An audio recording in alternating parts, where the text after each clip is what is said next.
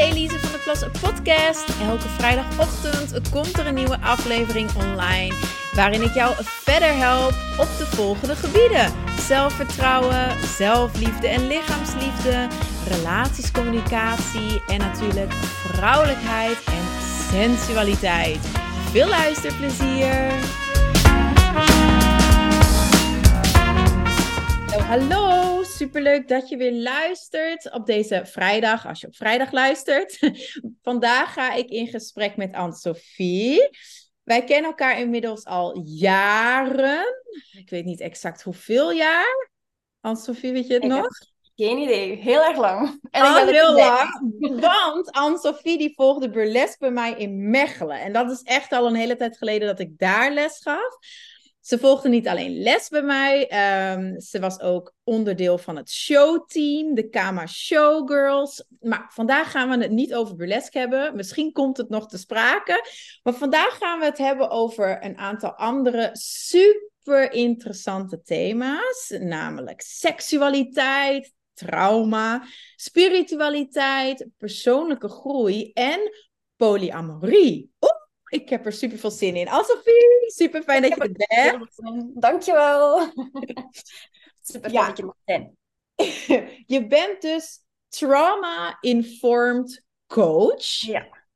Um, dus in het Nederlands, je helpt mensen met het hele van hun trauma's, het omgaan met angsten en verlies.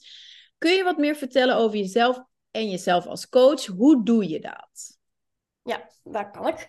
Um, bij mij is het allemaal begonnen een jaar of vijf geleden. Toen um, heb ik mijn baarmoeder moeten laten verwijderen, want ik had een uh, hele speciale ziekte en die kende niemand met een hele exotische naam. Maar het komt erop neer dat dit heel veel pijn, die ziekte. En de enige oplossing was voor de rest van mijn uh, vruchtbaar leven aan, aan de pil zitten. En dat maakt mij en mijn systeem enorm depressief. Dat wou ik dus helemaal niet.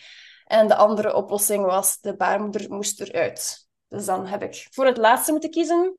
Met het idee dat ik toch geen kinderwens had, dan dacht ik dat is misschien beter om zo door het leven te gaan dan de rest van mijn leven depressief en misschien mijn vriend kwijtspelen en slechtgezind zijn. Dat wou ik niet. Um, dat is dan gebeurd uiteindelijk na heel erg lang zoeken naar de juiste dokter die dat wou doen. Want ik ben heel veel vooroordelen tegengekomen. Oh, je bent nog zo jong en je zal kinderen hebben en je moet kinderen hebben. En dat was niet zo fijn om niet begrepen te worden in mijn, in mijn verdriet en in mijn pijn. Uiteindelijk toch iemand gevonden die het wou doen. Baarmoeder weg.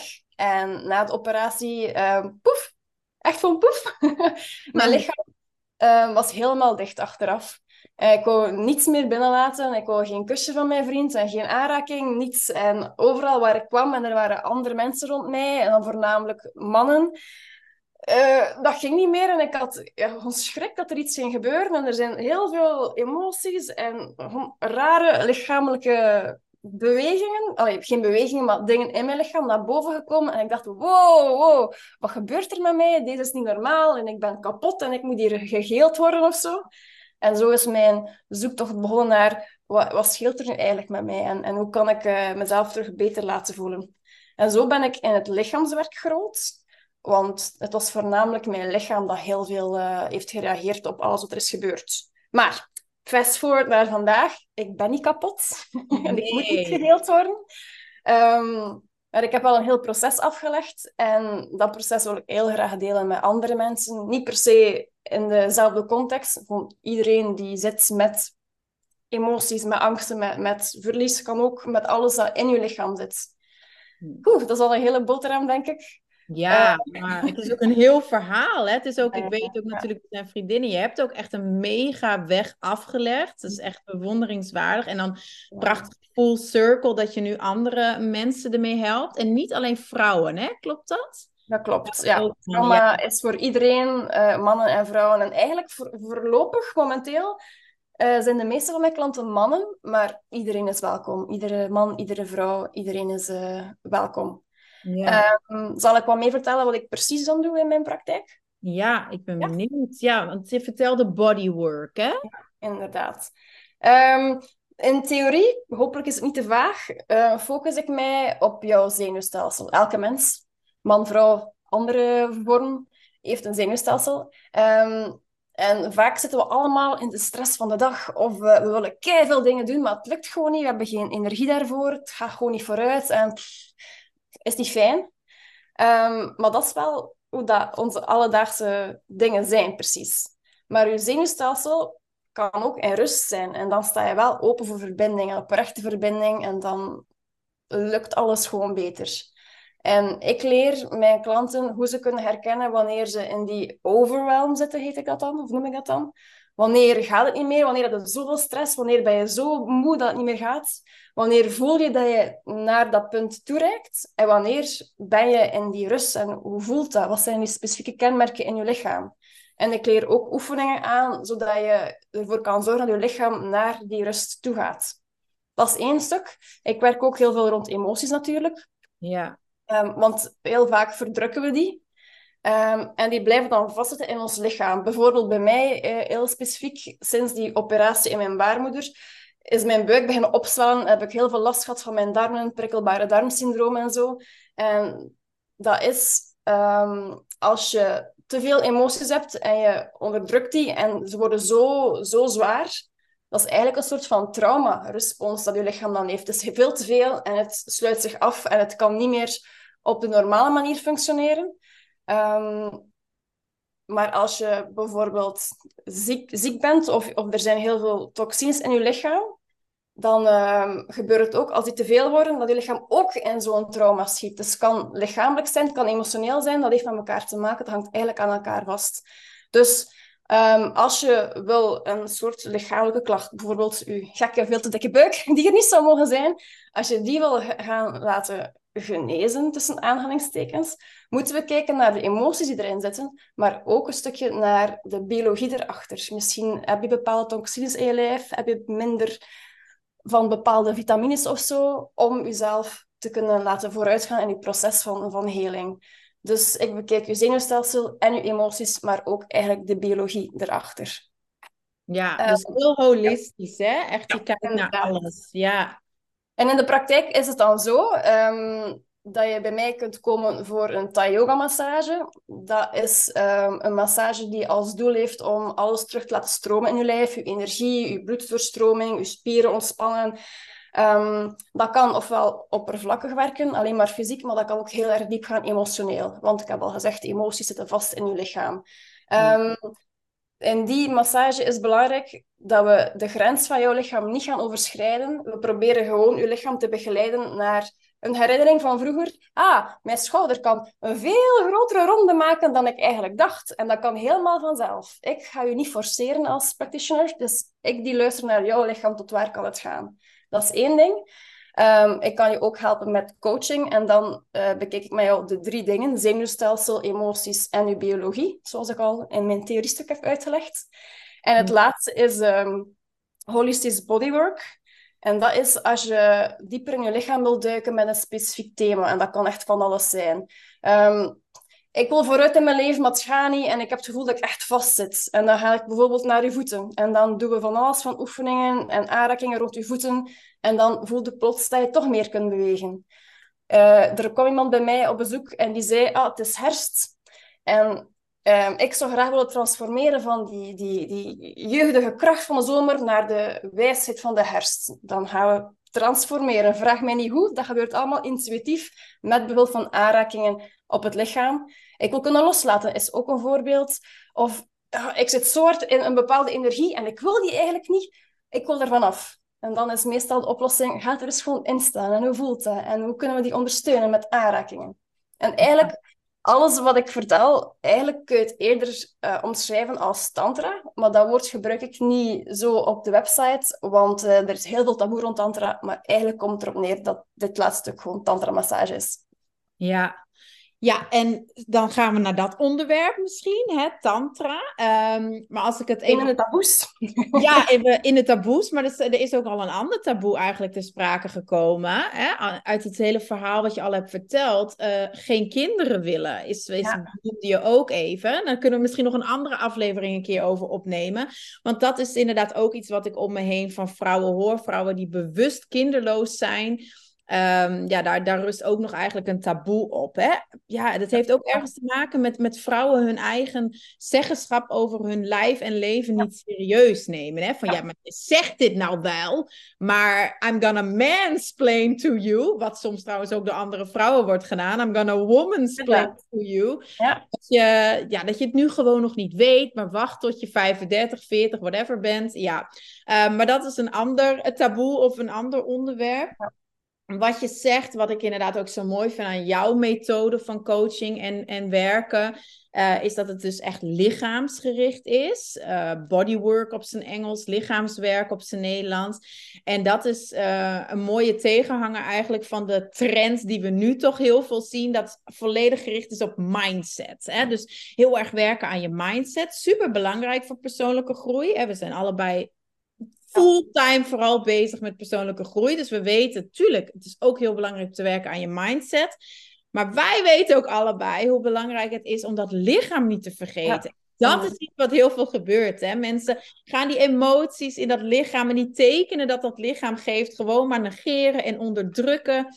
Maar vroeg of later weten wij ook allebei, dan uh, loop je keihard tegen de muur aan. Hè? Dat, kan niet blijven duren. Dus nog samengevat, wat jij doet, uh, waar jij op werkt, is zenuwstelsel, de emoties, de gevoelens en de biologie. Dus ook wat je zei, vitamine, et cetera. Dus heel holistisch, heel compleet, super mooi. Nou, en dan Tantra, volgende onderwerp waar we even induiken met z'n tweeën. We zijn natuurlijk allebei heel erg bezig met Tantra. Um, maar ik weet ook als ik jaren geleden zei van ja, ik leef vanuit de visie van Tantra. Ja, dan keken mensen me aan alsof ik elke dag uh, zeven keer seks heb of zo. Dat is dus niet wat Tantra in de kern is. Nee, dus even voor de mensen. Um, en net als bij het woord Kama trouwens, wat ook natuurlijk mijn burlesque naam was, Elisa Kama, denken mensen vooral aan die wilde sekstandjes, want Kama linken ze aan de Kama Sutra. Kama, als je het nu nog niet weet, ik zou zeggen zoek het op, maar het is een van de levensdoelen in het Hindoeïsme en het staat voor genieten. Hè? Dus, um, en Tantra, ja, voor mij staat het vooral voor leven vanuit verbinding. En ook weer dat genieten, net als Kama. Dus Tantra staat voor leven vanuit liefde, plezier, genot. Um, om vervulling en verrijking te vinden in alle aspecten van je leven. Nu, voordat ik uh, aan jou een vraag ga stellen. Uh, tantra is ontstaan in het oude India hè, als, als filosofische en spirituele stroming. En het woord komt uit het Sanskriet. En betekent letterlijk expansie, tan, en bevrijding, tra. dus het draait allemaal op het bevoor... Het gaat ook weer allemaal om het bevorderen van persoonlijke groei. En eventueel tot verlichting aan toe. Maar het gaat allemaal om transformatie, om, om persoonlijke groei. En dan specifiek in tantra, vooral door middel van meditatie, yoga, dans, maar ook seksualiteit. En dat sprak, sprak me toen destijds al zo aan in Tantra, waar andere stromingen um, zich ook wel richten op persoonlijke groei, maar dan vooral op de manier van, nou, druk die sensualiteit en die seksualiteit maar weg. Hè? Ja. Uh, ga gewoon maar bidden of lezen in de Koran of whatever. Um, en, en negeer je lusten en je ding. Terwijl Tantra juist ook zegt: hey, luister naar je verlangens. Luister, want dat is, uh, dat wijst je ook de weg. Hè? Goed, nou, dat is Tantra voor mij. Ik kan er alleen al een uur over praten. Um, maar wat betekent Tantra voor jou en op welke manier is het onderdeel in jouw leven? Ik word al helemaal enthousiast als jij over tantra praat. Love tantra, tantra. Ik word helemaal tantrisch ervan, ja. Ja, inderdaad. Ja, mede tantrisch, vertel. Ja, maar het is toch ook... En er ging echt een wereld voor mij open. ik dacht, waarom... En ja, dat is trouwens een andere discussie. Maar waarom rust daar zo'n taboe op. Ik geloof ook omdat dat is omdat heel veel, ja, heel veel mensen vanuit de patriarchy willen ook niet dat vrouwen tantra ontdekken. Hè? Dat is, en het is zo bevrijdend en het is zo, nee, onderdruk die seksuele kracht maar. Want oeh, wat gebeurt er dan hè, als vrouwen vrijgevochten en uh, gelukkig zijn? Ja. Maar goed, wat betekent het voor jou, tantra? Eigenlijk uh, heb jij het al uh, heel erg mooi uitgelegd. Dus misschien val ik een herhaling, maar voor mij ja, betekent het kunnen staan in je levensvreugde, in je levenslust, in je eigen kracht kunnen staan. En vanuit die openheid, eigenlijk terug vanuit het zenuwstelsel en rust, vanuit die openheid volledig kunnen, kunnen en durven verbinden met anderen. En je kwetsbaarheid kunnen staan, open kunnen blijven. En op die manier een supermooie verbinding met jezelf en met anderen kunnen ervaren. En het is enkel maar door die openheid en die kwetsbaarheid dat zo mooi en intiem kan zijn. Ook, zoals je zegt, durven vragen wat je verlangt, maar met respect voor andermans grenzen. En groeien tot je volledige potentieel.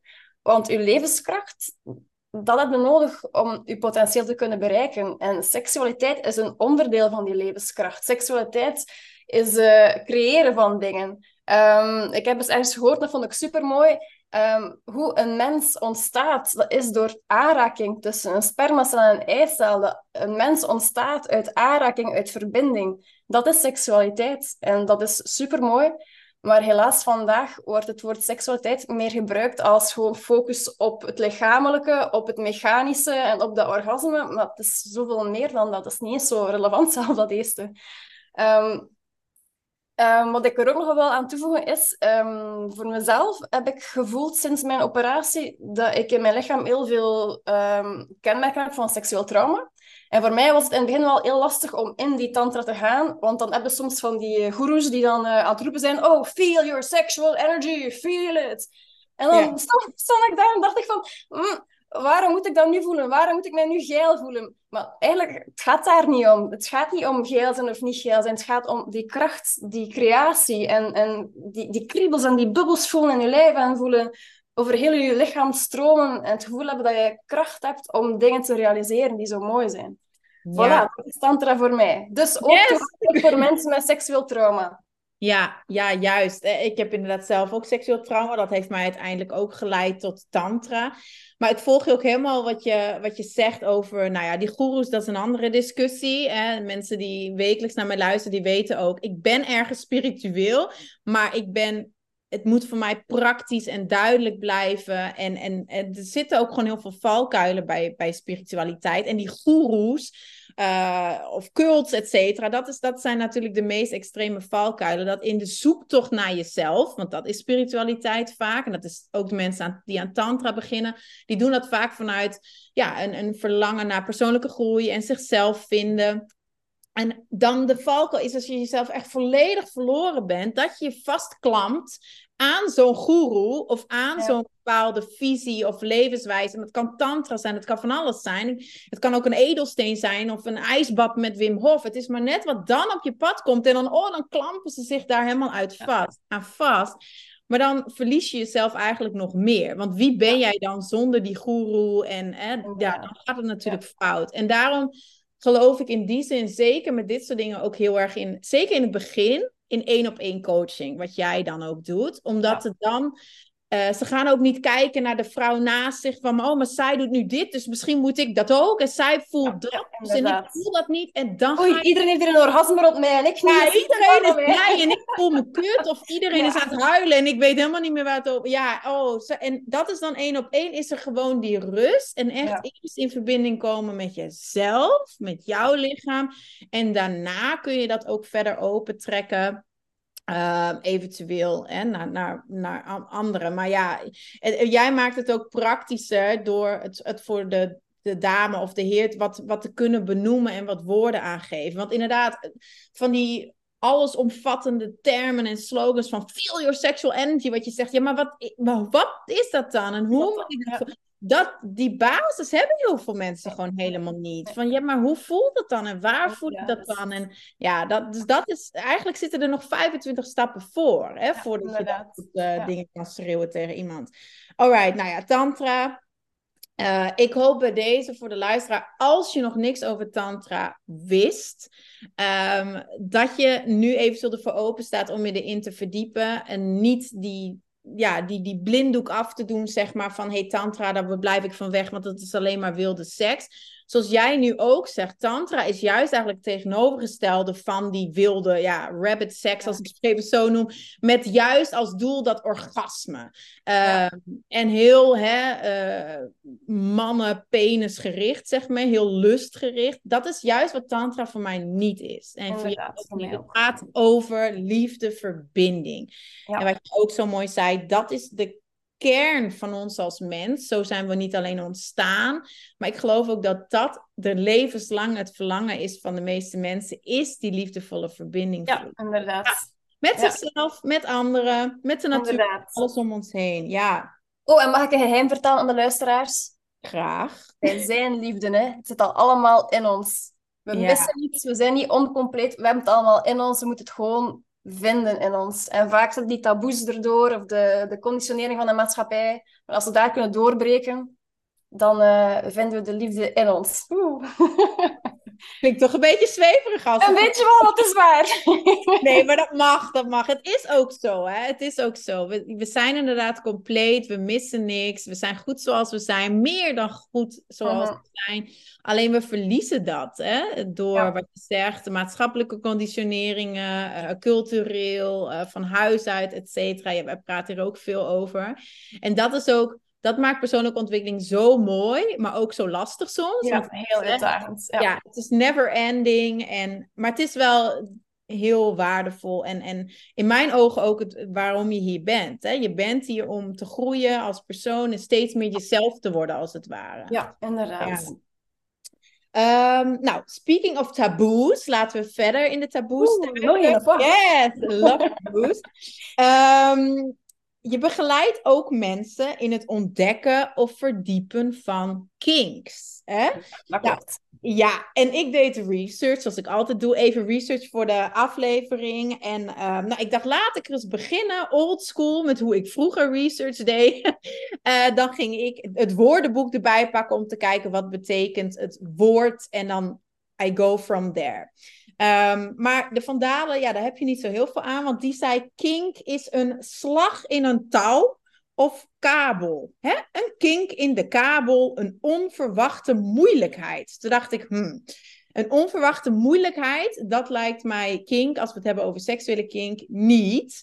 Um, maar toen ging ik nog wat verder op onderzoek uit. Toen kwam ik op het Engels. En daar zeggen ze ook van ja, kink, of kinks in dit geval, seksuele kinks komt wel daar vandaan, het woord. Um, in het Engels is het een, een, een bocht. Hè? Dus ze zeggen, ja, het is eigenlijk ook een beetje een bocht in jouw seksualiteit. Het staat in contrast met hetero-seksuele eh, neigingen. Dus dat is natuurlijk heel zwart-wit. Alles wat... Ja, mij nog niet. Ja, alles wat vanille-seks is, heteroseks is, dat is normaal. Dan gaat het toch natuurlijk in de kern daar weer over. En al het andere is dan abnormaal automatisch, dus heel zwart-wit. En die kinks vallen dan uiteraard in het spectrum van het abnormale. Nou, ik werd er dus niet echt wijs uit. Uh, ik word er niet vrolijk van als ik jou zo hoor praten. Nee, nee, nee. Je zou er echt een afkeer van krijgen ja. als je het zo leest. Het is abnormaal, het is moeilijk. Het is, nou, dat was wat ik vooral in het begin puur op het woord, zeg maar, uh, vond. Maar ik dacht, oké, ik ga het gewoon aan jou vragen. Wat zijn kinks? En ik dacht zelf ook gelijk aan fetishes. Dus correct me if I'm wrong. Wat zijn kinks en wat zijn fetishes? Of is het hetzelfde? Ja, daar uh, kan ik van alles over vertellen. Maar eerst en vooral uh, wil ik vertellen waarom ik mensen daarin ondersteun. Eigenlijk is al wat duidelijk in de manier waarop het wordt omschreven in, in de wereld. Er ligt zoveel schaamte op kinks en fetishes. En dat hoeft echt niet. En het is heel belangrijk, vind ik, dat mensen kunnen zijn wie dat ze zijn, kunnen voelen wat ze voelen, zonder die schaamte. En daarbij wil ik ze echt helpen om die schaamte te overwinnen. Anyway, kinks is iets dat u opwint, dat niet mainstream is inderdaad, maar ik vind het wel spannend en, het spices of your sex life. Uh, maar het is niet iets dat je per se moet hebben om een, een leuk seksleven te hebben. Een fetish daarentegen is iets dat je moet hebben, want als je het niet hebt, dan word je er niet opgewonden van. Um, maar zeggen dat kinks um, niet mainstream zijn, is een beetje raar. Want eigenlijk is dat heel erg subjectief. Sommige mensen hebben een kink van iemand met tattoos. Maar misschien vindt de persoon naast je iemand met tattoos wel compleet mainstream. Dus eigenlijk is alles heel erg subjectief. Hmm. Um, voor mij, um, zolang je er niemand mee schaadt en altijd veilig kunt zijn in de omgang met andere mensen, is er eigenlijk geen probleem. Er is totaal geen probleem. Um, en ook uh, veel mensen schamen zich omdat ze in hun hoofd een bepaalde fantasie hebben. En dat is, dat is kinky of zo, of misschien wel een fetish. Maar het is niet omdat dat in je hoofd er is en je wordt daar opgewonden van, dat dat betekent dat dat moet gebeuren in het echt. Ik weet dat heel veel vrouwen zitten met een, eh, een, een fantasie van verkracht te worden. Tuurlijk, niemand wil verkracht worden, maar blijkbaar is dat de meest voorkomende fantasie bij vrouwen. En heel veel vrouwen schamen zich daarover. Maar dat is niet nodig, want het is een fantasie en het is geen realiteit. Dat zijn twee verschillen. En mensen wisselen die soms door elkaar.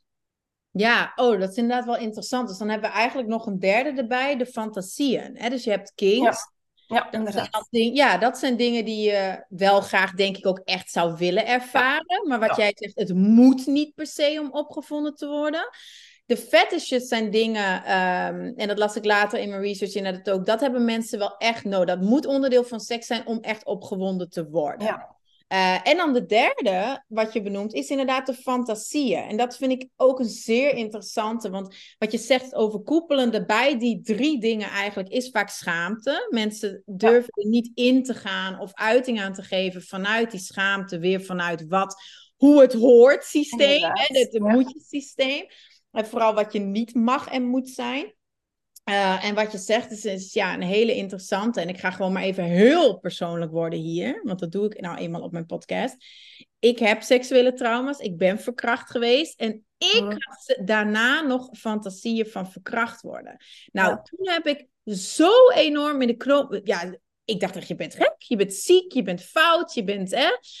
Um, en dan later besefte ik me ook. Ten eerste, het gaat inderdaad niet over het feit dat je echt verkracht wil worden. Tuurlijk niet. Maar er zitten vaak andere dingen achter zo'n fantasie. Hè? En het, het ging over loslaten. In mijn geval, hoe ik het voor mezelf daarna heb kunnen uitleggen. Het gaat over loslaten, de controle loslaten, in overgave gaan. Uh, maar zelfs dingen als verrast worden. Um, ja, dus, dus bepaalde spanning het, het, nu merk ik dat ik nog een beetje over mijn woorden struikel erover. Want het blijft natuurlijk wel een ding. Um, en er zit schuld op, schuld en schaamte. En die, tegen die twee S'jes ja. vaak lekker hand in hand, schuld en schaamte. Uh, en dat hangt heel erg samen hiermee. Hè? Ja. Nou, wat jij zegt, om dat samen te vatten, vind ik inderdaad een hele belangrijk. Ten eerste, je hebt kinks, fetishes, fantasieën. Als we het zo zeggen, wat het is, heb ik net gezegd. Belangrijker daarbij nog is dat je je er niet voor moet schamen. Dat het ook heel natuurlijk is. En dat hoewel we het blijven bestempelen als abnormaal, wij weten het waarschijnlijk veel normaler is. Ik geloof oprecht dat iedereen ter wereld wel een kink, fetish, laat staan fantasieën heeft. Uh, het is natuurlijk helemaal niet abnormaal. Um, maar en dan last but not least, wat jij zegt, het gaat er wel vooral ook over dat je er natuurlijk wel niemand mee schaadt. Hè? Dat het altijd dat je er veilig mee omgaat. In eerste plaats ook voor jezelf natuurlijk. Uh, maar uiteraard ook voor anderen, dat je er niemand mee schaadt. Hè? Dat het allemaal wel ethisch verantwoord blijft. Ja. ja. Kings, fetishes, fantasieën. Oké, wil je er nog een aanvulling op geven? Het is zo'n interessant onderwerp. Ja. ja. Um, jij was aan het spreken over uh, veiligheid en, en, ethiek en dat is wel een belangrijke. Uh, in mijn ervaring, als je um, zonder te veroordelen, want alles, iedereen en alles is oké en is goed. Maar als je opgroeit in een doorsnee gezin en je hebt een doorsnee relatie en je leert uh, je lief kennen op café of zo, of, of op of vijf, ik heb de indruk dat er op die plaatsen veel meer dingen gebeuren die niet in consent zijn dan als je je verdiept in een fetish en een kink en een tantra en in die seksualiteit. En waar dat je je ook vindt in je eigen leven, maakt niet uit. Maar consent en veiligheid zijn zo belangrijk. Weten wat je eigen grenzen zijn. Weten wat de grenzen van de partner zijn. Weten of dat je iemand pleest. Of dat je het doet uit je eigen plezier. Weten datgene wat je ontvangt. Is dat iets dat ik echt wil ontvangen? Of doe ik het om die persoon te plezieren en vind ik het eigenlijk niet leuk? Ben ik nu iets aan het nemen van die persoon? Is die persoon mij iets aan het geven? Er zijn zoveel nuances. En ik heb de indruk dat heel weinig mensen daar bewust van zijn en dat daardoor ook heel veel problemen ontstaan en kleine trauma's, grote trauma's, vertrouwen wordt gebroken. Het is zo belangrijk om altijd en overal uw veiligheid en de veiligheid van de mensen rond u te kunnen garanderen. En pas dan kun je echt u openstellen in je kwetsbaarheid en volledig in die verbinding gaan. Amen. Ja, want als Amen, we, ja. Amen. Als we het hebben over die veiligheid, inderdaad, een mooi woord wat je nu nog noemt, is consent. En dat, daar hadden we het niet over gehad. Consent, uh, als ik het even heel snel naar het Nederlands vertaal, gaat over toestemming. Hè? Ja. Inmiddels is het wel een woord wat mensen waarschijnlijk kennen. Ook met de hele MeToo-movement uh, werd er ineens, voor mijn gevoel, gepraat over consent. Godzijdank, het werd tijd. Hè? Maar ja. van, hé, hey, we moeten niet zomaar, wat je ook zegt, nemen, nemen, nemen van uh, mensen. Um, vraag toestemming en breek dat gesprek open. En wat jij zegt vind ik ook een hele interessante. En dan, ik link het voor mezelf even naar mijn ervaring met burlesque, want ik zit voor de rest niet in de kinkwereld ken wel veel mensen, uh, waaronder jij, die uh, polyamoreus zijn. En die ook zeggen van, joh, juist ook als ik naar... Maar ook tantra, van tantra ken ik het natuurlijk wel. Het gaat ook heel erg om altijd toestemming vragen, in gesprek gaan, grenzen aangeven, grenzen respecteren. Um, dus daar voel ik me mega veilig. En het, al, in burlesque was dat ook. Daar rust natuurlijk voor mensen ook hè, nog een taboe op, op striptease. En dan kreeg ik ook vraag de, vaak die vraag: hè, van, voel je je niet onveilig als burlesque danseres? Heb je dan niet super veel last van mannen die je aanraken? Nooit. Nooit. Ja, um, en waarom? Omdat dat juist wat jij zegt, een veel veiligere omgeving is. Mensen weten, er zijn veel meer grenzen. Dus cijfer, dat weet je ook vanuit burlesque. Ook als ik in mijn eigen burlesque bar... Men, de avond begint altijd met ik of een andere host die zegt... Welkom, dit zijn de regels. Natuurlijk met een knipoog, maar hè... Uh, het is de bedoeling dat jullie juichen. Het is de bedoeling, maar het is uh, respectvol. En het, dat, dat, dat wordt ja. ook altijd benoemd. Um, en ik heb dus nooit als burlesdanseres gehad dat iemand mij zomaar aanraakte of vastgreep. Terwijl wat jij zegt, op een vuif ben ik ja. ontelbare keren, en ik krijg woede als ik eraan denk, ontelbare keren in clubs ben ik in mijn bil geknepen, vastgegrepen, ja, gekust, in mijn post geknepen, letterlijk. Hè? En dat ik denk, ja. Dat heb ik als burlesque en als stripper nooit meegemaakt. En tuurlijk zijn er verhalen ook van, van zeker als je het hebt over sekswerk. Um, da, dat is wel over het algemeen helaas een onveilig beroep nog. Maar als, als burlesque danseres zeker heb ik me nooit onveilig gevoeld. Anders was ik er ook mee gestopt natuurlijk. Uh, maar voelde dat juist heel bevrijdend en heel veilig om op die manier ja, seksualiteit en sensualiteit te uiten. Ook niet alleen qua veiligheid, maar ook dat non-judgment. Dat je daar als burlesque-danseres nogmaals, als je nog nooit aan een burlesque show bent geweest en je luistert naar mij, ga nou eens naar een burlesque show, want dan zie je ook allerlei verschillende danseressen. Niet alleen leeftijd en maat, heb ik al vaker benoemd, maar ook qua ex seksuele expressie. Ja. Hè? Je ziet dames met, met zwepen en die die kant van zichzelf, of dat archetype eigenlijk van zichzelf uiten. Je ziet dames heel lieflijk in het roze en heel onschuldig, wat wij dan onschuldig noemen, uh, heel pin-up-achtig.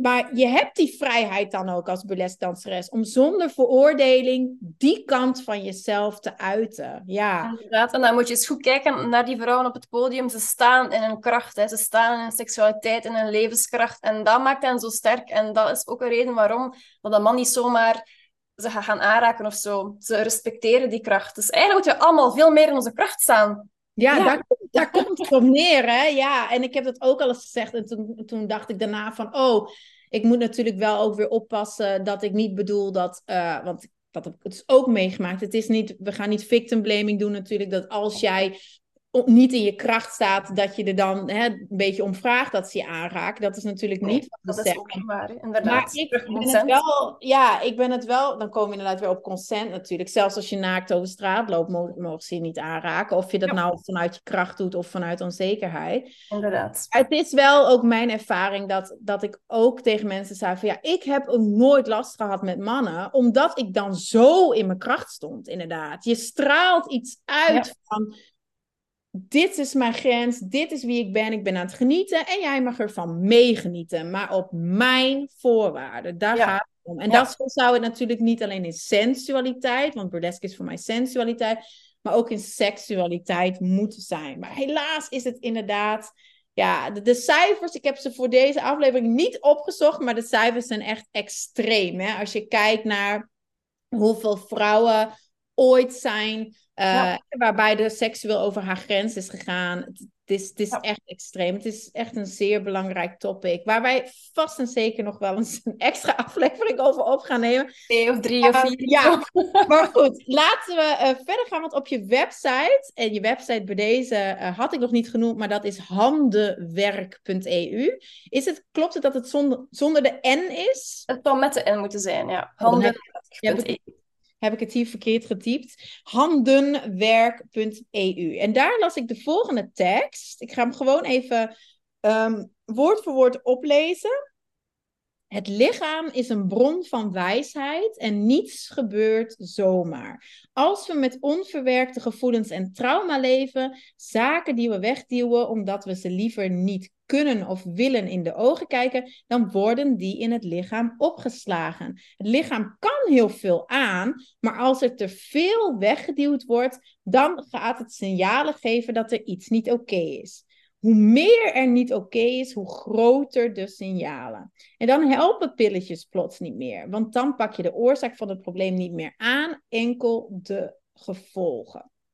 Ja, dus dan zijn we weer terug naar het lichaam en bron van wijsheid, wat je zegt. Um, nou, ik werk uiteraard alleen maar met vrouwen en die vrouwen zijn allemaal, ook al weten ze het soms niet, afgestompt van de wijsheid van hun lichaam. Hè? Ze, ze, zijn niet meer in verbinding met hun lichaam, sensualiteit, seksualiteit. Die verbinding is volledig verbroken of op zijn minst verstoord, hè? deels verstoord. Ja. Um, nou, en als we het dan hebben over die tekenen, wat jij zegt, je lichaam geeft tekenen. Hè? En, en hoe meer tekenen er zijn, hoe, hoe, hè, hoe groter eigenlijk in die zin de problemen in je lichaam zijn, um, hoe, hoe duidelijker het wordt. Dat je er op een gegeven moment in de vorm van een burn-out of whatever echt niet meer omheen uh, kunt. Maar dat wil hem natuurlijk eigenlijk voorkomen dat het zo ver komt. Hè? Dus wat wil jij allereerst mensen meegeven over die wijsheid van hun lichaam en over die tekenen die je lichaam geeft? En dan de, de vraag die ik er gelijk ook even bij ga stellen is: heb je ook tips? Hè? Misschien een paar concrete tips. Hoe kun je dan weer uh, liefdevol en sterk in verbinding komen met je lichaam? Ik vrees dat ik alleen maar saaie antwoorden ga geven. Want um, wat er kei belangrijk is voor je lichaam, als je het echt wil voelen, dan moet je vertragen. En als, iedereen zegt dat, hè, maar het is echt niet gewoon vertragen, het is vertragen. En nog trager dan dat. En dat is super moeilijk, want we leven in een supersnelle maatschappij en we willen van alles doen. En bij mij persoonlijk bijvoorbeeld, ik voel enorm veel weerstand als ik in zo'n fase zit van veel dingen doen en snelheid om te vertragen. Maar als ik niet vertraag, dan loop ik tegen mijn muur en dan krijg ik hoofdpijn en schouderpijn en uh, word ik duizelig voor mijn scherm en dan lig ik uh, drie dagen te slapen bijvoorbeeld. En dat moeten we kunnen vermijden. Allee, je moet dat niet, maar het zou misschien wel aangenamer zijn voor je leven natuurlijk, als je het vermijdt. Maar dat kan enkel maar door te vertragen. Het is door trager te gaan dat je meer gaat voelen. En wat dat je voelt in je lichaam is heel vaak super, super uh, specifiek en eigenlijk niet zo duidelijk. Omdat, eigenlijk is het wel duidelijk, maar we zijn niet gewoon om zo diep te voelen en daarom is het niet duidelijk voor ons. Vandaar vertragen. Kei saai, maar het is helaas wat je nodig hebt. Ja. um, en ook geduld hebben, dat is ook een saai, geduld hebben. Want um, je kunt maar vooruit gaan in je proces als je de snelheid neemt van het traagste stukje van jezelf. Je lichaam en je zenuwstelsel heeft een heel leven op een bepaalde manier gewerkt. Snel, snel, snel, snel, snel. En maakt verbindingen die kei gemakkelijk te maken zijn, want je maakt die 20 miljoen keer per dag of zo. Als je gaat vertragen en je wilt anders omgaan met je lichaam, met je leven, moet je nieuwe verbindingen maken. En die zijn moeilijk om te maken in het begin. Dus je moet echt blijven oefenen, blijven oefenen. En het duurt heel lang voordat je verbetering ziet. En soms merk je ook niet eens dat er verbetering is. Soms zul je pas horen van mensen rond je heen. Oh, wauw, je bent plots wel rustiger geworden. Of, oh, wauw, je hebt uh, zo lang gesproken dat je iets graag wil realiseren en heb het plots gedaan. Zomaar, hoe kan dat? En jij hebt het zelf niet eens door dat, dat je zo ver geraakt bent, omdat die verandering zo traag gaat. Dus um, leer je zenuwstelsel kennen en leer um, het gewoon te worden hoe het voelt om op een bepaalde plek te zijn. En dan kan ik misschien wel één oefening meegeven die voor mij wel heel erg hard helpt. Ja. En die heet de VOE. Dat is een oefening die ervoor zorgt dat je centraal nervous systeem dat dat gaat meetrillen. En die trillingen sturen ontspanningsgolven door je lijf. En als je VOE hebt gedaan, En als je genoeg hebt geoefend erdoor, zul je op het einde voelen dat je lichaam wat ontspant of wat zakt. En dat kan op verschillende manieren zijn. Dat kan spontane diepe ademhaling zijn, je, buik die anders voelt, je, je, um, borst die plots meer open staat, je schouders die zakken. Het kan ja, een millimeter zijn, het kan ook meer zijn. We willen dat samen doen, Dieke. Ja, ik wou dat zeggen. Je bent aan het teasen, net als in burlesque. Kom maar op met die oefening. Oké, dan gaan we samen heel diep inademen. Um, je zit goed neer of je staat goed recht. Ja, maakt dat je goed zit altijd. Ja, altijd. op je rug, op je billen en zo. Of recht staan met twee voeten op de grond. Knieën een klein beetje geplooid. Of ja, toch niet uh, helemaal vast. Diep inademen en dan zeggen we zo lang mogelijk totdat je adem op is. En als die gedaan is, laat je gewoon je stem wegsterven. En wacht enkele seconden en merk je op hoe je lichaam er dan plots bij zit of bij staat. Zal ik aftellen naar de voe? Ja, dus uh, ook even eh, voor de luisteraar inderdaad, want jij weet heel... Dus ga, als je nu luistert, doe uiteraard ook mee. Het is niet alleen... Ja, mee, ja. Hè? Dus ga even lekker ontspannen ergens zitten, wel met ondersteuning in je rug. Hè? Dat je niet ja. uh, met gebogen rug, met... Uh, of ga staan, maar dan niet met knieën die op slot zijn. Dus licht gebogen door je knieën. En uh, dan gaan we dus, als ik het goed begrijp, inademen. Maakt het nog uit? Mond, neus? Dat maakt niet uit wat voor jou goed voelt. En dan op de uitademing zeggen we voel. Ja, inderdaad. Oké, okay. nou, helemaal duidelijk. Anne-Sophie gaat aftellen, dus ga Alright. even op. Ga rustig vertragen. Dus neem rustig uw tijd en klik dan weer terug op play. Ja, alright. Ik alright, daar gaan we. Op, uh, ja, ik taal af van 3 naar 1 en ondertussen kunnen we diep inademen halen. Alright. 3, 2, 1.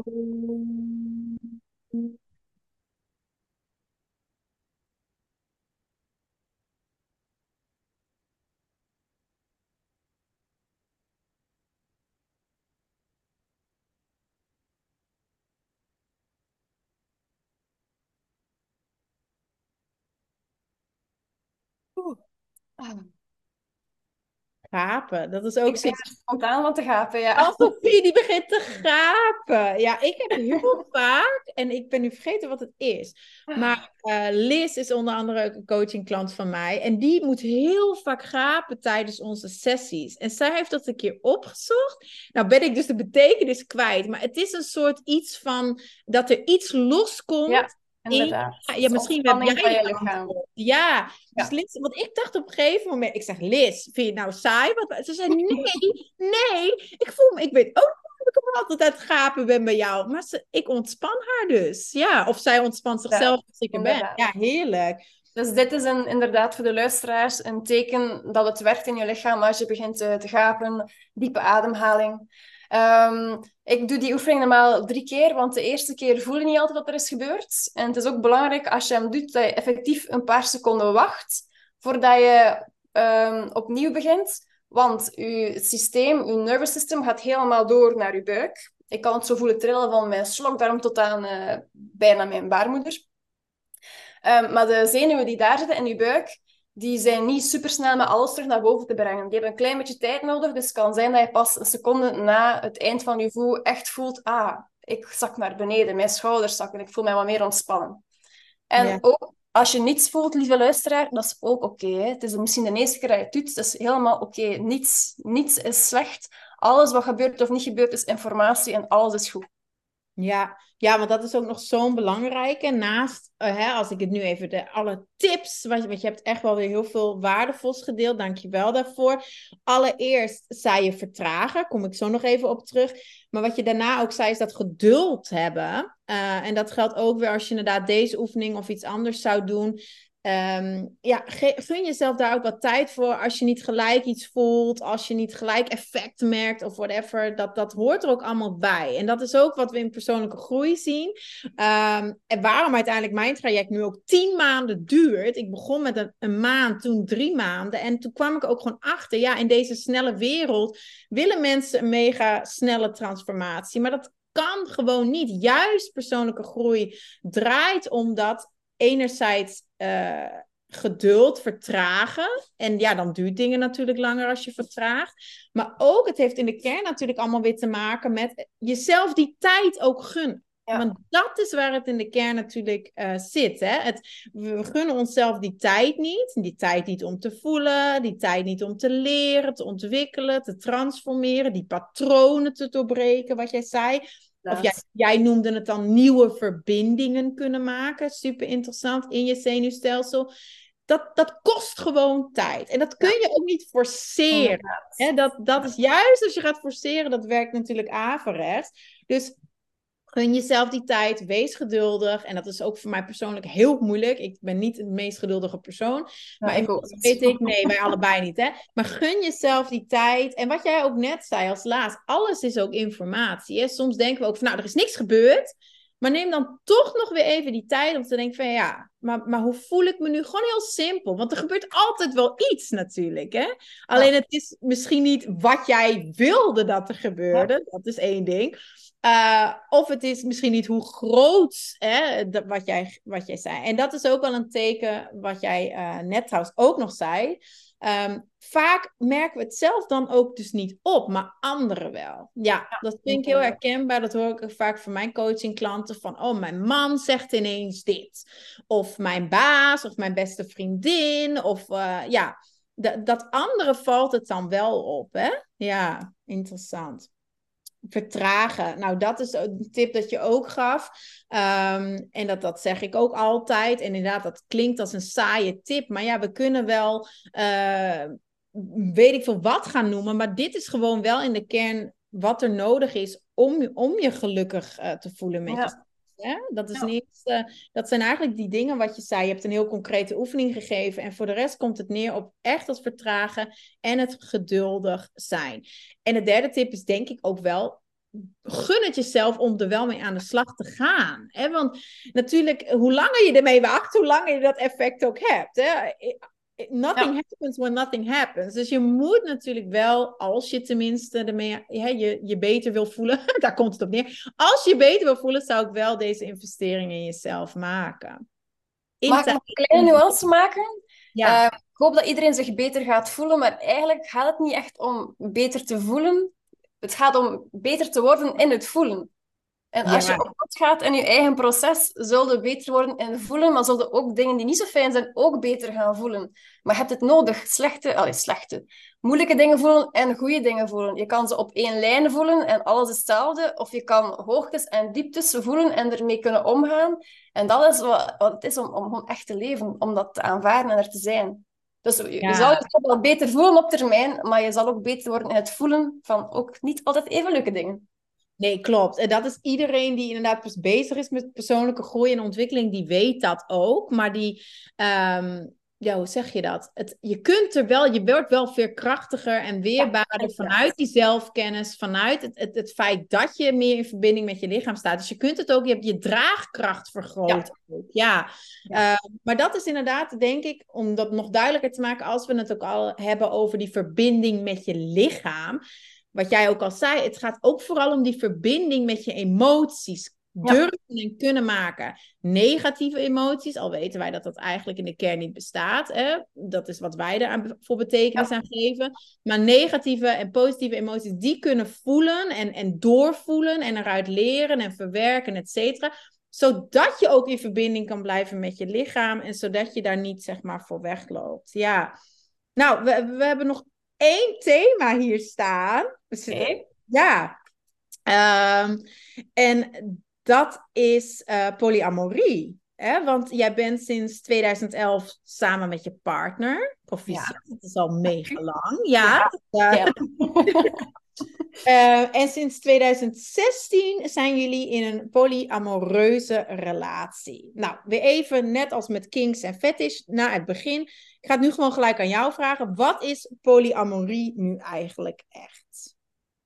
Polyamorie is dat je een romantische relatie kunt aangaan met meer dan één persoon tegelijkertijd. Maar, zeer belangrijk, maar dat elke persoon met wie je een relatie hebt ook weet wie die anderen zijn. Dat er altijd alles gebeurt in uh, wederzijds toestemming en dat er niets gebeurt in het geheim of achter de rug.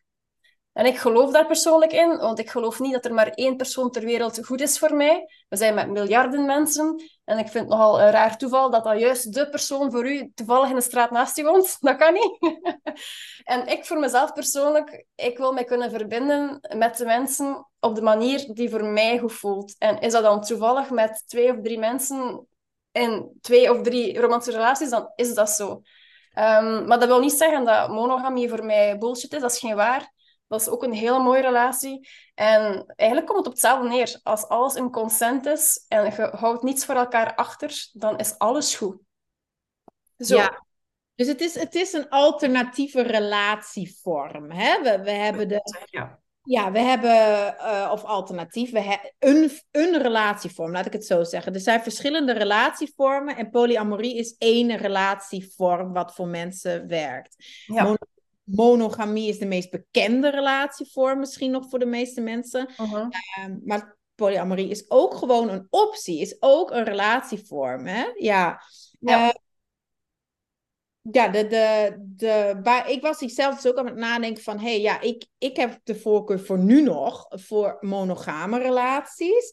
Maar ik besefte mij eigenlijk dat ik binnen een monogame relatie... niet in de meest traditionele vorm van relatie zit.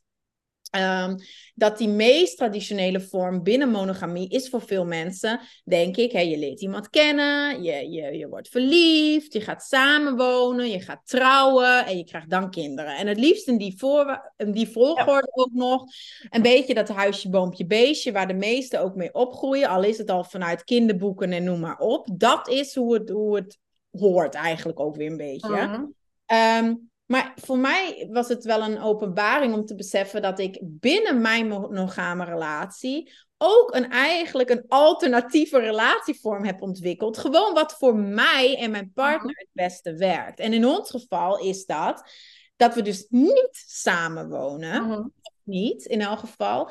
En ik zei het ook tegen jou laatst toen je bij mij thuis was. Zelfs als we samen een huis zouden hebben op termijn uh, want als je kinderen hebt samen, is dat natuurlijk in die zin ook wel gewoon het meest praktisch. Dan zei ik tegen mijn partner, wil ik niet dat je er elke dag bent. En dat was voor mij zo raar om uit te spreken. Maar gelukkig was hij het helemaal met me eens. Uh, voor ons onze belangrijkste waarden zijn ten eerste authenticiteit. Dus ook gewoon eerlijk durven spreken over je verlangens en gevoelens. En trouw kunnen zijn aan wie jij bent. En anderzijds hebben wij allebei, en daarom matchen we natuurlijk ook deels zo goed, ook vrijheid. We vinden het heel belangrijk om individuele vrijheid te hebben. Um, en we zijn ook allebei gewoon graag alleen. Maar dat uitspreken was ook wel een ding. Van ja, ik, ik hou van je, maar ik wil je niet zeven dagen per week zien. Um, en ja, dat, dat werkt voor ons. Terwijl mijn moeder bijvoorbeeld, die reageerde daarop, ja, dat kan toch niet? En dan kwam er gelijk een soort ding van, hou je dan wel van elkaar? Hè? Dus ik merk dat er heel wat vooroordelen ook weer aan vasthouden. aan, aan, dat al. Dus laat staan, denk ik, aan jij die in een poly polyamoreuze relatie zit. Krijg jij ook dat soort opmerkingen of vragen? Of, of deel je het niet? Um, ik deel het nu meer en meer, omdat ik er ook meer en meer uh, comfortabel bij ben. Maar ik heb dat een tijdje inderdaad voor mezelf gehouden, omwille van al de, de vooroordelen die er zijn. Dan zijn er mensen die denken van, oeh, ze is polyamoreus, dus dat betekent dat ik haar ook kan neuken of zo. En ja, nee, nee, dat gaat niet over seks, het gaat over liefdevolle verbindingen met andere mensen. Um, of mensen die beweren, ah, als jij drie uh, boyfriends hebt, ja, dan moet het zijn dat jij een probleem hebt of zo, of, of uh, een ziekte hebt of zo, dat je niet kunt echt verbinden met iemand. Want je mag je maar met één iemand verbinden. Maar dan zeg ik terug, je hebt twee kinderen. Wat is er fout met je tweede kind? Dat je er een... Er fout met je eerste kind dat je een tweede kind hebt gemaakt? Want je kinderen zie je toch ook graag op een bepaalde manier. Je kunt toch niet zeggen, kind 1 is slecht en daarom mag ik kind 2. Ja. Zo werkt het toch niet? Of je dus- kunt niet van twee kinderen tegelijk houden. Voilà, inderdaad. Of je kunt niet van allebei ouders houden, of, of whatever. Dus ja, er zijn heel wat vooroordelen rond. Uh, en alles dat niet, uh, niet de norm is. Hè. Maar uiteindelijk, de norm is niet normaal. Wat voelt er goed voor jou? Wat voelt er goed voor een andere persoon? En dat is wat normaal zou moeten zijn. Wat voelt er goed voor jou? Hoe kan je trouw blijven aan jezelf? En wat voor relatie dan ook. Ja. Blijf je maar apart wonen met je vriend. Als jullie dat gelukkig maakt en jullie voelen dat jullie elkaar graag zien, dat is oké, hè? Dat is oké. Mutual consent. Ja. Ja, we komen inderdaad steeds terug op dezelfde dingen, want dat is de kern. En ik zei het net van hè, je goed voelen. Jij zei het gaat over goed kunnen voelen. Uh, dat is inderdaad de kern. Dat is eigenlijk de manier waarop. Hè? Goed kunnen Mhm. voelen leidt uiteindelijk tot je goed voelen. En dat is iets wat heel veel mensen inderdaad niet weten eigenlijk. Van hoe kan ik me goed voelen? Wat is er voor mij nodig? De meeste mensen leven inderdaad vanuit de norm, wat je ook zegt. Van, we leven vanuit hoe we denken dat het hoort en denken dat van ons verwacht wordt. Ehm, en ik heb het daar eens eerder over gehad. Voor sommige mensen voelt dat systeem, zeg maar, ook best wel prima. Mhm. Maar heel veel mensen voelen zich eigenlijk niet thuis. En dan gaat het schuren en dan ontstaat er onzekerheid en frustratie en noem maar op. En schuld en schaamte en alles wat we zeiden. Want het, het voelt niet of niet meer goed. Hè? En dan is het kwestie om inderdaad van je, vanuit jezelf, vanuit die verbinding met jezelf en je emoties, good en bad emotions, te gaan denken van hé, hey, wanneer voel ik mij op mijn best? Wanneer voel ik mij het meest mezelf? Zo noem ik het dan. Hè? Wanneer voel Ja. jij het meest jezelf, jouw beste zelf? Maar daar hangen inmiddels weer heel veel dingen aan. Maar dat is wat ik bedoel met je beste zelf. Wanneer ben jij op je best? Wanneer stroomt het in jou? Wanneer voel je je ontspannen? Ja, terug de levenskracht. Wanneer stroomt Ja, die in? wanneer stroomt die levenskracht? Wanneer voel je je vitaal en happy en noem maar op? En dat, dat, is, dat gaat op alles in je leven. In je werk, eh, in je relaties, waar we het dan nu over hadden. Eh, welke relatievorm in dit geval past dan het best bij jou? Ja, dus ook als je luistert nu... Zit jij nu in een relatie of niet? Ehm, voelt dat goed voor jou? Dat zijn allemaal dingen waar jij dus ook mensen bij kan helpen. Hè? Ja. Inderdaad. ja. En dan zeker ook bij eh, de uitdagingen die gepaard gaan bij een, ja, eigenlijk een monogame en een eh, polyamoreuze relatie. Die communicatie en die openheid. Hoe zorg je ervoor dat je je, je, je noden en, en je wensen kunt uitspreken op een eh, respectvolle manier? En hoe ga je om met die conflicten? En ja, ik zou zeggen, zeker in een polyrelatie, maar dat zal bij monogamie ook zo zijn. Soms wil een persoon iets anders dan de andere persoon, maar toch moeten een manier vinden om daarin samen door te willen gaan.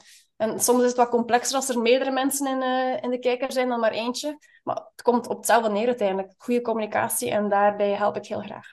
Ja, goede communicatie en openheid, inderdaad. Ja. Openheid, eerlijkheid. Want als ik er nog een persoonlijke ervaring van mij deel, ehm, is dat mijn ex, die, ehm, die heeft op een gegeven moment, ik heb het volgens mij nog nooit gedeeld, ik weet zelfs niet of jij dit wel weet, maar mijn ex heeft op een gegeven moment, toen was ik hoogzwanger, ging hij heel veel uit en noem maar op. En toen had, begon hij tegen mensen te zeggen, ik ben nu met Elise in een open relatie. Dus hij verwees naar polyamorie. Dus we hebben een open relatie. Ehm, en voor hem is het exact wat jij nou net zegt, dat mensen dus bij jou dan denken van, oh, ze is polyamoreus, dus eh, ik ga jouw woorden letterlijk... Alles kan. Alles kan, alles mag, ik kan er neuken, ze is wild en vrij en hè. En hij heeft dus wel dat ervan genomen, eh, Ja. van open relaties. En heeft dat dus gebruikt om te zeggen, jongens, ik zit nu in een open relatie. En heeft mij dus aan alle kanten met heel veel vrouwen bedrogen.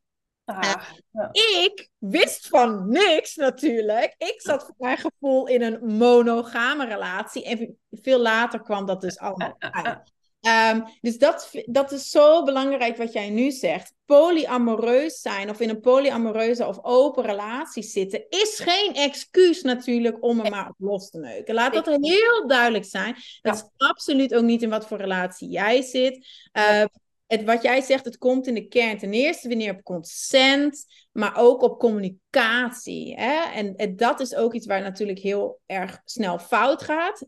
Allereerst omdat de vrouw misschien niet weet wat ze wil, dus het daarom ook niet kan uitspreken. Um, dan het, het, andere is het niet durven uitspreken. En dat hebben vrouwen ook heel snel. Van wat als ik diegene ermee kwets, of wat als hij weggaat, ja. of wat als hij me raar vindt, of hè, schuld, schaamte, et cetera. Um, maar ja, dat werkt natuurlijk ook wel van beide kanten. Dat is gewoon zeker, ja, ja in een polyamoreuze relatie zijn er nog meer mensen om, uh, om daarin rekening mee te houden. Ja. ja, ik vind het heel mooi. En ja, knap is niet het goede woord. Maar het, het, lijkt, het lijkt mij vooral, als ik eerlijk ben, heel ingewikkeld. Om het zo. Dus je moet echt wel, wat jij natuurlijk bent, een, een pro zijn in communicatie en Ja, dat voelen en Ja. holy moly, ja. Daarom, eh, allee, ik sta nog niet open voor nog een relatie. Ik heb drie s- pracht van eh, mannen in mijn leven en dat is meer dan voldoende. Maar stel dat er eh, ooit een, eh, nieuwe verbinding zou ontstaan, dan eh, is het voor mij wel eh, belangrijk dat iemand is die ook een beetje al een pro is. Want Ja. als je ermee start, botst op zoveel muren en zoveel moeilijkheden. Ehm, en ik heb geen, geen, geen eh, zin in te veel drama erin. Dus dat is wel eh, belangrijk. Ja, Dat de mensen die ik eh, leer kennen, dat ze effectief al een stapje verder staan daarin. ja, snap ik. Want het, het moet ook energie geven natuurlijk, Ja, voilà, inderdaad. Ja, De relatie moet er zijn voor de mensen. En wij moeten er niet zijn voor de relatie. Nee, oh, zeg dat nog eens. Dat ging De even... relatie moet er zijn voor de mensen. En wij moeten niet werken voor de relatie. De relatie moet werken voor de mensen in de relatie. Dat geldt ook voor monogame relaties. Hè? Ja, ik zou net zeggen, dat geldt inderdaad voor alle relatievormen natuurlijk, hè? Ja. Ehm, nou, ik had hier nog één vraag. Zijn er nog relatievormen waar ik misschien niet aan denk? Eh, Is, is de, de, de eerste verdeling, zeg maar, polyamorie of monogamie? Of zitten er nog vormen? Of binnen die twee categorieën tussen haakjes zijn er dan... Want wat ik, ik besefte, mijn relatie is dan eigenlijk een soort ladderrelatie. Maar we wonen dan wel straks in hetzelfde huis. Dus, en misschien is het ook fout om het allemaal te willen benoemen, hè? Maar... ehm, ja, polyamorie heb ik inmiddels al veel meer over bijgeleerd. Ik besefte me dus ineens van, verrek, zijn er misschien nog relatievormen waar wij helemaal niet bij stilstaan dat ze bestaan? Ehm, dat is een goede vraag. Ik weet het eigenlijk ook niet zo helemaal. Want mijn visie is, zolang dat voor u gevoelt, maakt het niet uit wat voor soort relatie dat je hebt. Het is allemaal oké.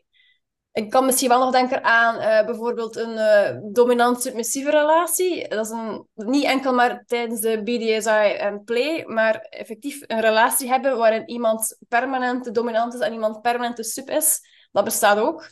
Ook altijd heel veel consent en negotiation Ja. voor nodig voordat je in zoiets stapt, want dat is echt super intens. Ehm, maar ja, het kan van alles zijn. Je kunt samenwonen met je partner of partners. Je kunt apart wonen en nooit een partner of partners in je huis laten. Je kunt switchen. Ik denk, alle, alles kan als het maar goed is. En dan, ja, eigenlijk het woord maakt niet echt uit. Hè. Als het maar goed is voor jou, goed is voor de anders, en het niemand schaadt, is het allemaal oké en normaal. Inderdaad, want eentje waar ik nu aan denk is geen partner willen. Ah, voilà, dat kan ook.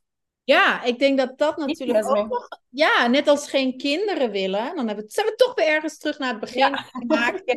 Net als geen kinderen willen, kan ik me voorstellen dat sommige vrouwen... En ik heb een aantal vrouwen in mijn familie die daar het voorbeeld van zijn. Die willen geen partner meer. Eén daarvan is mijn oma. Ehm, die, die, ik weet nog dat ze toen is gescheiden en dat ze zei, nooit meer een man. En dat toen ook iedereen zei en dacht van, nou, hè, je bent door hem gekwetst en ooit wil je echt wel weer een man. Nou, ze is inmiddels 93 en ze is denk ik 30 jaar gescheiden. En ze heeft nooit meer een partner gehad. Tenminste, wel misschien hè, dates of, of seksuele relaties, dat niet. Hè, maar niet in de kern van echt een langdurige relatie.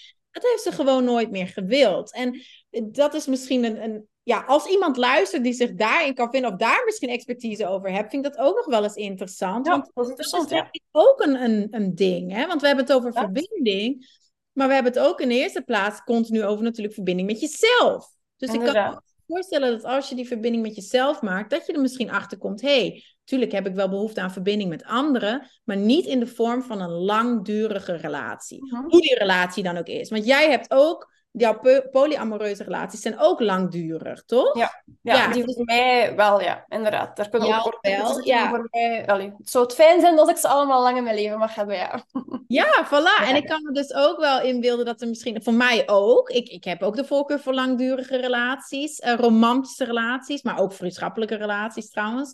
Ehm, maar ik kan me inderdaad ook wel voorstellen dat je misschien zegt van ja, nee, ik heb, ik heb vanuit wie ik ben geen behoefte aan langdurige relaties. Mhm. Ja, Dat kan nou, interessant dit. We kunnen nog heel lang kletsen Ja, natuurlijk. Over taboes en over tantra. En waar hebben we het allemaal over gehad? Zalig, kings, fetishes. Oh, maar ja, laten we het hier eh bij laten. Ik wil je bij deze wel vragen om misschien nog eens terug te komen. Dat we nog Heel graag, Ja, ja, ja. Want we zijn nog lang niet uitgekletst, denk ik. En Ja. bij deze ga ik dan ook gewoon aan de luisteraars vragen. Mocht je een vraag hebben voor Anne-Sophie, mail hem naar mij. Dat kan via elise, elisevdplas.com. Dan komt het rechtstreeks bij mij terecht. En dan ga ik het met Anne-Sophie overleggen. Ga ik het haar voorleggen. En dan kunnen we eventueel jouw vraag, anoniem uiteraard, uh, beantwoorden in de volgende aflevering. Is dat oh, niet het idee? Ja, ja. ja, ja. Laten we dat... concreet ingaan op wat de luisteraars uh, ja. ja, super. Lijkt me, want nu zijn we misschien ook aan het invullen wat er voor hun speelt. Maar let us know. Hè? En even concreet binnen de thema's. En het zijn heel veel thema's waar Anne-Sophie expertise rond heeft. Maar laten we het wel binnen die thema's houden van seksualiteit, trauma, uh, spiritualiteit um, en polyamorie. Hè? Of, of relaties en relatievormen. Persoonlijke groei zit er dan ook nog bij, maar dat zit, uh, zit bij, verweven in al die andere dingen. Ja? Alright, nou heel erg bedankt. Um, bedankt. Mochten, dankjewel. Mochten mensen zeggen, oh, ik voel dit in mijn lijf. Ik voel dit. Ik, ik ga hier iets mee doen. Ik wil er iets mee doen. En ik wil vooral ook geholpen worden door Anne-Sophie. Ze kunnen jou vinden via handenwerk. Ik had het net al even gezegd. Handenwerk.eu. Ja. Um, ja, en daar vinden ze jouw aanbod, hè? Want het is mogen ons duidelijk zijn dat je op heel veel verschillende manieren kan helpen. Ja. En het is dan eigenlijk aan hun om naar je website te gaan en aan te voelen Inderdaad. wat aanbod het meest met hun resoneert.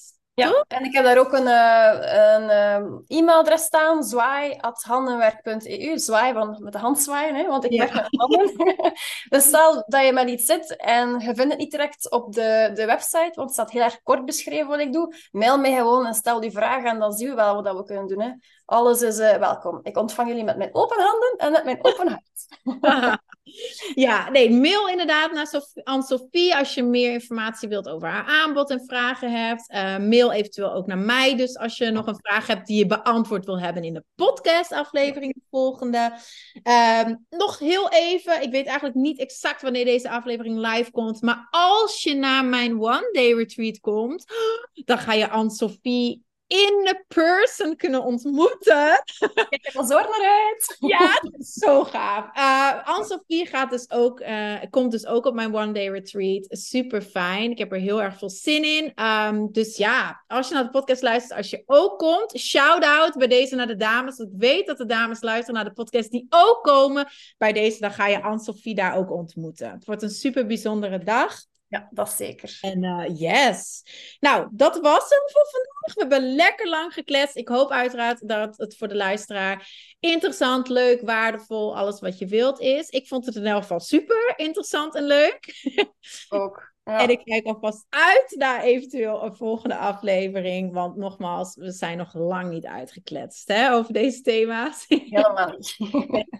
Nou, dankjewel. En bedankt voor het luisteren allemaal.